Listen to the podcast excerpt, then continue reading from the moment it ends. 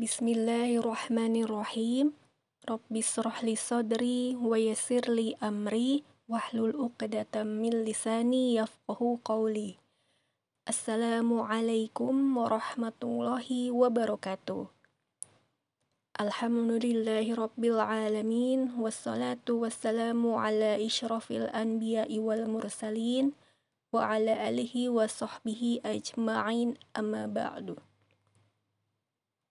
Asyhadu alla ilaha illallah wa asyhadu anna Muhammadan abduhu wa rasuluh. Allahumma salli ala sayyidina Muhammad wa ala alihi sayyidina Muhammad. Alhamdulillah segala puji bagi Allah yang senantiasa memberikan rahmat dan hidayahnya sehingga kita semua masih diberikan kesempatan untuk mengikuti kajian online ini.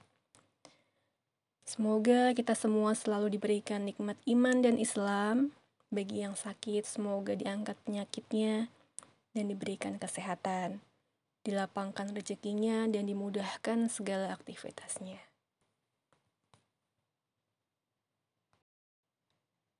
Baik, Ukti Filah, kembali lagi kita belajar bersama mengenai sahabat Nabi yang dijamin masuk surga selanjutnya, yaitu Zubair bin Awam. Nah, Zubair bin Awam ini juga punya beberapa uh, kata mutiara atau quotes di antaranya satu Barang siapa yang mampu memiliki simpanan sesuatu yang tersembunyi dari amal soleh, maka lakukanlah. Kalau bisa, ada amal soleh yang tidak diketahui siapa pun kita perlu ada amal yang bisa kita jadikan amal soleh andalan ketika mengalami kesulitan. Nah, ini tuh seperti kisah tiga orang yang terjebak di dalam gua yang tidak dapat meminta pertolongan kecuali pertolongan Allah. Dan minta tolong dengan amal soleh yang paling ikhlas yang tidak pernah diketahui orang lain. Imam Al-Nawawi nulis banyak buku yang baru diterbitkan ketika beliau sudah wafat. Buku tersebut ditulis dan disembunyikan di suatu tempat. Menjelang akhir hidupnya, beliau berkata kepada seseorang bahwa bila di tempat tersembunyi itu masih ada buku yang belum diterbitkan, maka publikasikan. Kalau sudah tidak ada lagi buku yang belum diterbitkan, maka Imam Al-Nawawi menganggap bahwa dirinya masih kurang teruji keikhlasannya. Yang membedakan amal diterima atau tidak adalah pada ikhlas. Sebagaimana pada surat Al-Ma'un, bahwa orang yang secara lahiriah melakukan sholat menjadi sia-sia ketika ria tapi di sisi lain, ada mereka yang tidak ikut beramal, tertinggal di Madinah pada perang Tabuk karena sakit atau tidak punya biaya untuk berangkat. Tetapi mendapatkan pahala mujahid karena meskipun tidak bisa ikut, hatinya tetap bersama mereka yang berangkat. Itulah kekuatan keikhlasan. Abdullah Daud mengatakan bahwa para salafus salih senang melakukan amal tersembunyi yang bahkan istrinya pun tidak mengetahuinya. Di antara pertolongan Allah adalah kalau bisa melakukan wasiat Zubairiyah, yaitu amal tersembunyi. Sebagaimana orang bersedekah yang disembunyikan sampai tangan kiri tidak tahu apa yang dilakukan oleh tangan kanan. Nah, yang kedua yaitu Fikoh Billah. Ketika Zubair di Perang Jamal, ia berkata pada anaknya yaitu Abdullah bin Zubair, Wahai anakku, sesungguhnya dalam perang ini tidak ada yang terbunuh kecuali zolim atau terzolimi. Aku berkeyakinan akan terbunuh sebagai orang terzolimi. Kegelisahan terbesar adalah hutang. Zubair memiliki banyak hutang, walaupun ia adalah orang yang kaya. Hal ini karena ketika ada orang menitipkan uang kepadanya, ia menyatakan uang tersebut sebagai hutang, sehingga ia memiliki kewenangan untuk menggunakannya. Ini adalah pertanda bahwa orang percaya bila menitipkan pada Zubair, maka uangnya akan aman. Lanjutan perkataan Zubair kepada anaknya, apa kau melihat bahwa hutang ini bisa menyisakan harta? Atau bahwa harta Zubair cukup untuk menutupi hutangnya? Wahai anakku, kalau kamu nanti merasa lemah membayar hutang, minta tolong pada tuanku. Kemudian Abdullah bin Zubair bertanya, Siapa yang dimaksud sebagai tuannya itu? Zubair menjawab bahwa tuannya adalah Allah. Maka, kata Abdullah bin Zubair, setiap kali ia mengalami kesulitan untuk membayar hutang ayahnya, ia berkata, Wahai tuannya Zubair, bayarkanlah hutangnya. Dan kemudian Allah memberikan kemudahan. Untuk membayar hutang Zubair tersebut diperlukan lima musim haji dengan pengumuman pada jamaah haji yang datang. Karena Zubair pernah tinggal di Madinah, Basroh, Kufah, dan Mesir dan banyak orang menitipkan hartanya pada Zubair. Nah, setelah lima kali pengumuman, Nah, setelah lima kali pengumuman, barulah selesai pembayaran hutang tersebut. Baik, selanjutnya tentang biografinya.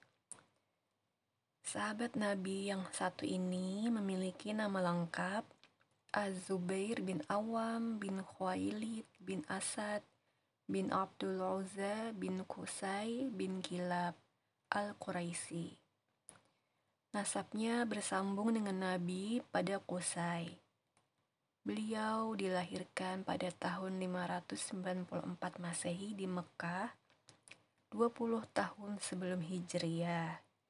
Ayah Zubair adalah Awam bin Khuwailid yang meninggal dalam perang Fijar. Sedangkan ibunya Safiyah binti Abdul Muthalib bin Hisham bin Abdi Manaf Ibu Zubair adalah bibi Nabi. Zubair memiliki kunyah atau nama panggilan Abu Abdullah. Sejak kecil, Zubair bin Awam harus rela ditinggalkan selama-lamanya oleh sang ayah yang telah meninggal. Sehingga beliau tumbuh bersama asuhan sang ibunda yang mendidiknya dengan keras hingga Zubair menjadi sosok pahlawan tangguh. Tidak heran jika ia dikenal sebagai sahabat Nabi yang pemberani. Ia memiliki dua saudara laki-laki, Sa'ib dan Abdul Ka'bah. Zubair menikah delapan kali dan memiliki 20 anak.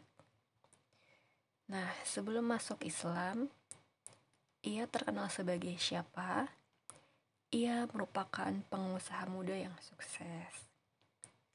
Kemudian, perawakan fisiknya, Zubair digambarkan memiliki tubuh tinggi sedang, kurus, berkulit gelap, dan dada berbulu, meskipun dengan janggut tipis. Rambutnya menjuntai sampai ke bahu, dan ia tidak mengecatnya saat beruban.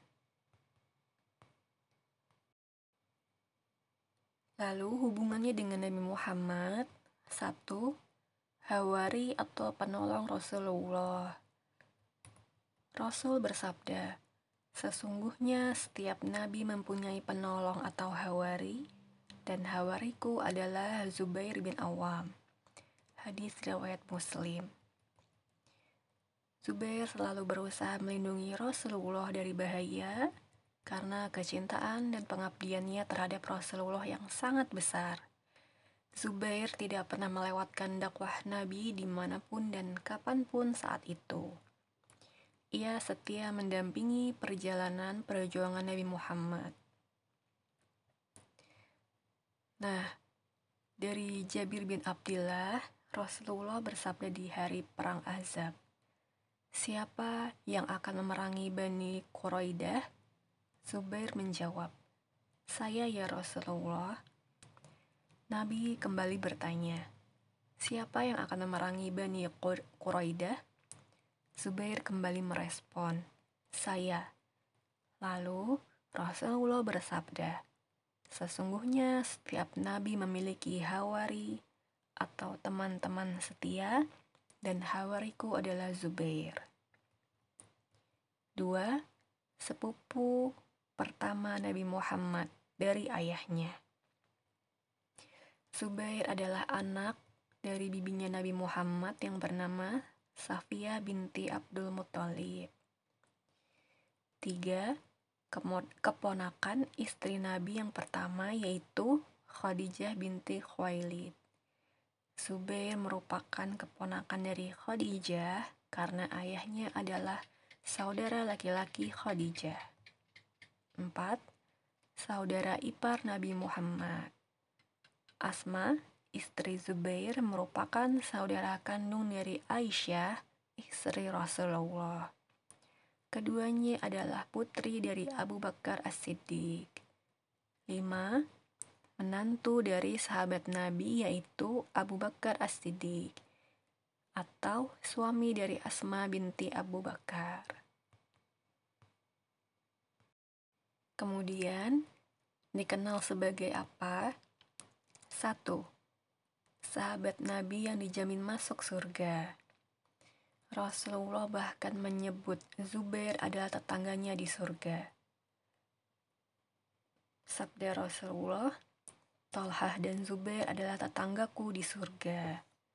Berdasarkan hadis yang diriwayatkan oleh Abdurrahman bin Auf dari Nabi Muhammad, yang artinya Abu Bakar di surga, Umar di surga, Utsman di surga, Ali di surga, Tolhah di surga, Az-Zubair di surga, Abu Ubaidah bin Al-Jarrah di surga. Hadis riwayat Ahmad, Tirmizi dan An-Nasai. Dua, termasuk dalam golongan asabiqun al-awwalun atau orang-orang yang memeluk Islam di masa awal-awal kenabian. Zubair bin Awam termasuk dalam angkatan pertama yang masuk Islam. Bahkan, ia sampai ikut berhijrah dua kali, yaitu ke Habasyah atau Ethiopia dan Madinah. Dan ia juga sholat pada dua kiblat, yaitu sebelum diubah menghadap Ka'bah, yaitu menghadap Masjidil Aqsa, dan setelah diubah menghadap Ka'bah. Tiga, komandan setelah Nabi Muhammad meninggal. Pada minggu ketiga tahun 632 Masehi, Khalifah Abu Bakar mengumpulkan pasukan terutama dari Bani Hashim untuk mempertahankan Madinah dari invasi yang akan segera terjadi oleh pasukan Murtad Tulaiha. Sosok yang mem memproklamirkan diri sebagai nabi baru.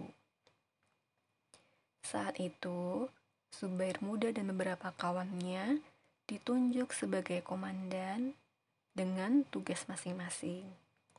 Zubair sebagai komandan lapangan paling sukses, terutama yang paling terkenal saat di Mesir di bawah Khalifah Umar. 4 salah satu dari enam sahabat ahli syuro dalam musyawarah pemilihan khalifah setelah Umar meninggal. Hal ini merupakan pengakuan terhadap keilmuan dan kematangannya. 5. Pedagang atau pengusaha sukses. Zubair dalam kesehariannya dikenal sebagai pedagang atau pengusaha sukses. Sebagai pengusaha sukses, kekayaan Zubair bin Awam cenderung lebih banyak dalam bentuk tanah dan rumah. Zubair memiliki padang belantara, 11 rumah besar di Madinah, dua di Basra dan satu di Kufah dan Mesir. Sebelum ia meninggal sebagai seorang syuhada, Zubair bin Awam bersungguh-sungguh dalam menyisihkan uangnya untuk melunasi hutang-hutangnya. Ketika meninggal, sebagian dari tanah yang dimilikinya digunakan untuk melunasi hutang-hutangnya terlebih dahulu, dan kemudian sisanya dibagikan, yaitu sepertiga hartanya dibagikan kepada cucu-cucunya dan dua per tiga lainnya diberikan kepada ahli warisnya. Saat ia meninggal, harta waris dan wasiatnya antara lain harta waris 38 juta 400 ribu dirham harta wasiat 19.200.000 dirham. Jumlahnya jika dikonversi ke dalam mata uang rupiah yaitu 3 triliun 543 miliar 724 juta 800 ribu rupiah. 6 orang pertama yang menghunus pedang membela Rasulullah, sehingga dikenal juga sebagai Hawari Rasulullah. Ia adalah orang yang pertama kali menghunus pedangnya di perang Fisabilillah. Rasulullah pun amat membanggakan Zubair.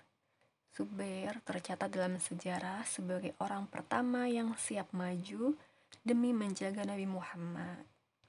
Hal ini diceritakan oleh Sa'id Ibnu Al-Musayyab, ia berkata, Orang pertama yang menghunus pedangnya demi Allah adalah Zubair bin Awam. Nah, ketika itu Zubair tidur siang. Dia mendengar seorang berteriak bahwa Rasulullah telah dibunuh.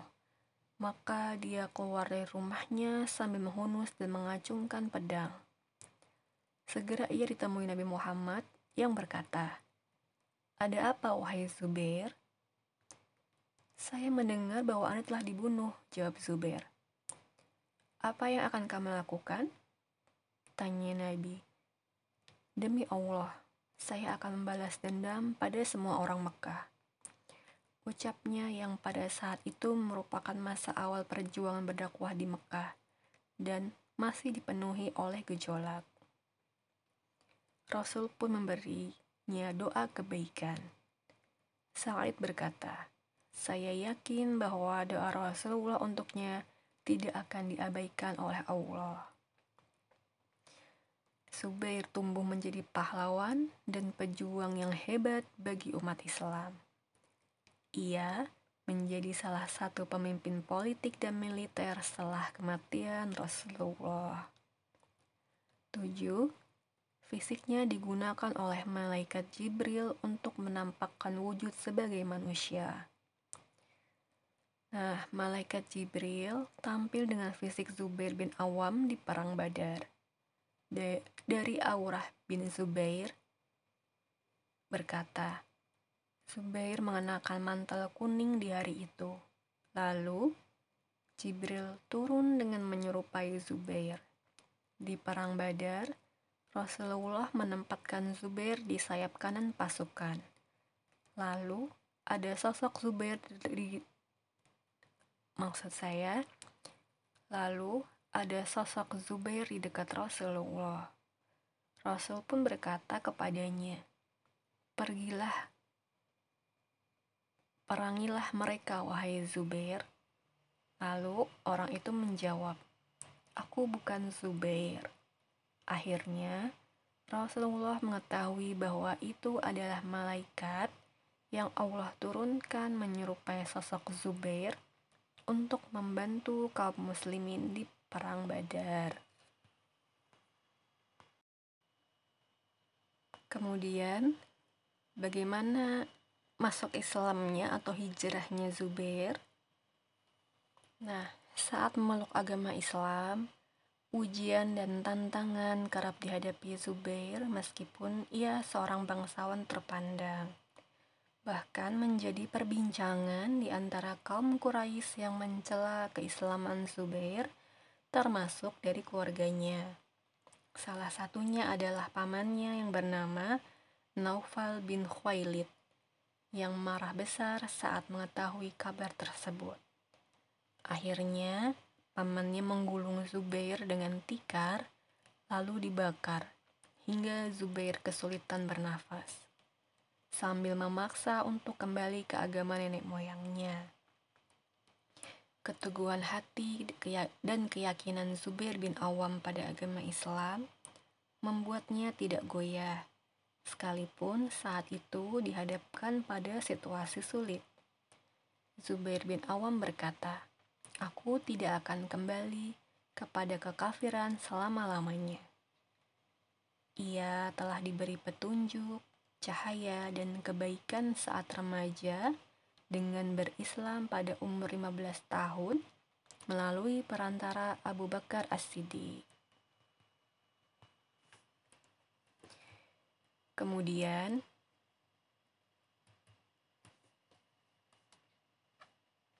bagaimanakah karakter atau sifatnya Zubair? 1. Ahli menunggang kuda. 2. Berbudi tinggi dan berakhlak mulia. 3. Dermawan. Harta kekayaannya melimpah ruah. Semuanya ia dermakan untuk kepentingan Islam. Hingga saat meninggal pun, ia mempunyai hutang. Bahkan, karena dermawannya tersebut, sampai-sampai ia rela mendermakan nyawanya untuk Islam. Namun, kekayaannya tidak membuatnya tamak. Sebaliknya, Zubair bin Awam menjadi salah satu sahabat Nabi yang dermawan dan rajin bersedekah. Bahkan, tidak tanggung-tanggung saat ia membagikan seluruh hartanya kepada orang-orang fakir. Hingga tidak meninggalkan sedikit pun dari hartanya itu untuk dirinya sendiri. Kaab berkata, Az-Zubair memiliki seribu macam kekayaan yang dikeluarkan untuk perjuangan dan tidak ada satu dirham pun yang masuk ke dalam rumah karena disedah karena disedekahkan seluruhnya. Ia mensedekahkan seluruh hartanya. Kedermawanannya ini tidak pernah membuatnya khawatir atau takut dengan kemiskinan. Keyakinannya untuk mencurahkan jiwa dan hartanya di jalan Allah membuat Zubair bin Awam tidak ragu untuk bersedekah. Sifat mulia Zubair bin Awam yang dermawan pantut dicontoh oleh kita dengan memberi donasi atau sedekah sesuai kemampuan masing-masing. 4. Berani Zubair bin Awam adalah seorang pengawal Rasulullah dan dikenal sebagai pahlawan yang gagah berani di medan perang baik oleh kawan maupun lawan, dan pengorbanannya bersumber dari sikap tawakalnya yang sempurna kepada Allah. Banyaknya luka di tubuhnya membuktikan keberanian dan keperkasaan Zubair dalam membela Islam. Salah seorang sahabat pernah berkata, Aku pernah menemani Zubair bin Awam pada sebagian perjalanan dan aku melihat tubuhnya. Maka aku saksikan banyak sekali luka goresan pedang, sedang di dadanya terdapat bekas luka, seperti mata air yang dalam, menunjukkan bekas tusukan lembing dan anak panah. Aku pun berkata, Demi Allah, telah kusaksikan sendiri pada tubuhmu apa yang belum pernah kulihat pada orang lain sedikit pun. Kemudian Zubair pun menjawab, Demi Allah, semua luka-luka ini ku dapat bersama Rasulullah pada peperangan di jalan Allah. 5. Setia Ia menjadi pembela dan pendamping setia bagi Nabi Muhammad sekian tahun, baik saat berdakwah hingga dalam penyerangan kepada kaum Quraisy. Dikatakan bahwa Zubair bergabung dengan semua ekspedisi militer. Namanya tercatat ikut dalam Perang Badar, Uhud, pertempuran Palung, pertempuran Yarmuk, Khaybar, dan pembebasan Mekah. Zubair setia mengabdi kepada Rasulullah. Zubair yang selalu mengawal Rasulullah dalam peperangan. Pada Perang Khandaq, kondisi kaum muslimin sangat, saat itu sangat buruk. Ditambah lagi, ketika kaum Yahudi Bani Quraidah mengingkari perjanjian mereka dengan Rasulullah dan membuat kaum musyrikin masuk ke Madinah. Rasulullah berseru kepada kaum muslimin, siapa yang akan pergi ke Bani Quraidah untuk memerangi mereka? Setelah berkali-kali bertanya, hanya Zubair bin Awam yang menyanggupi hal tersebut. Kesetiaan untuk mengawal Rasulullah, kedermawanan, dan keteguhan Zubair bin Awam dalam membela Islam memang patut diancungi jempol. Dia terus membela Islam dari satu perang ke perang yang lain.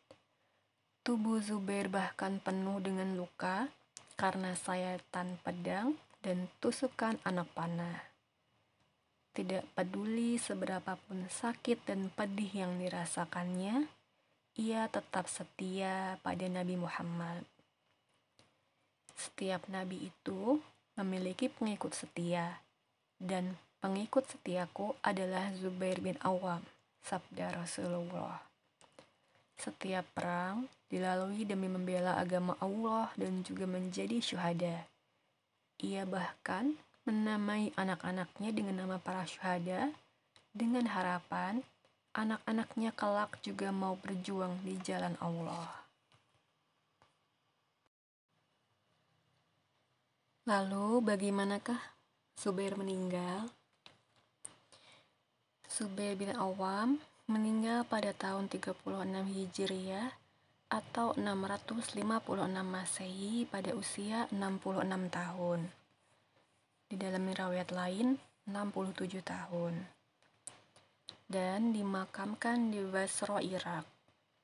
Ia dibunuh oleh Amr bin Jurmus dalam suatu pembunuhan licik setelah Perang Jamal di Lembah Saba, yaitu nama daerah sejauh kurang lebih 35 km dari Basra, Irak. Ia ditusuk saat sedang sholat. Kaum muslimin saat itu sangat bersedih dengan kepergian sang pengikut setia Rasulullah yang kelak menjadi tetangga Nabi Muhammad di surga. Dan salah satunya adalah Ali bin Abi Thalib yang menjadi khalifah pada saat itu. Nah, seperti sudah dijelaskan dalam pertemuan sebelumnya, Perang Jamal merupakan perang puncak perselisihan para sahabat Nabi mengenai hukuman untuk pelaku pembunuhan khalifah sebelumnya yaitu Utsman bin Affan. Hal itu karena dalam perselisihan tersebut terdapat orang-orang yang mengadu domba. Saat terjadi perselisihan antara sahabat tersebut, Zubair dan juga Tolhah berada di sisi yang berseberangan dengan Khalifah Ali bin Abi Thalib. Kedua sahabat Nabi ini bertolak dari Mekah menuju Basrah di Irak untuk menuntut ditegakkannya hukum atas para pembunuh Utsman. Berlinang air mata Ali bin Abi Thalib melihat Aisyah, istri Rasulullah, berada di tengah medan perang. Lalu ia berteriak kepada Tolhah, Wahai Tolhah, apakah engkau datang untuk memerangi pengantinnya Rasulullah? sementara istrimu aman berada di rumah? Lalu Tolhah pun terperanjat dengan ucapan tersebut. Ia berlari dari medan fitnah. Namun, sebuah anak panah lepas dari busurnya dan tepat menyasar urat kakinya. Karena pendarahan dari luka tersebut, setelah beberapa waktu, Tolhah pun wafat. Ali juga mengingatkan Zubair, Wahai Zubair, Aku memanggilmu atas nama Allah. Tidakkah engkau ingat suatu hari di mana engkau lalui bersama Rasulullah?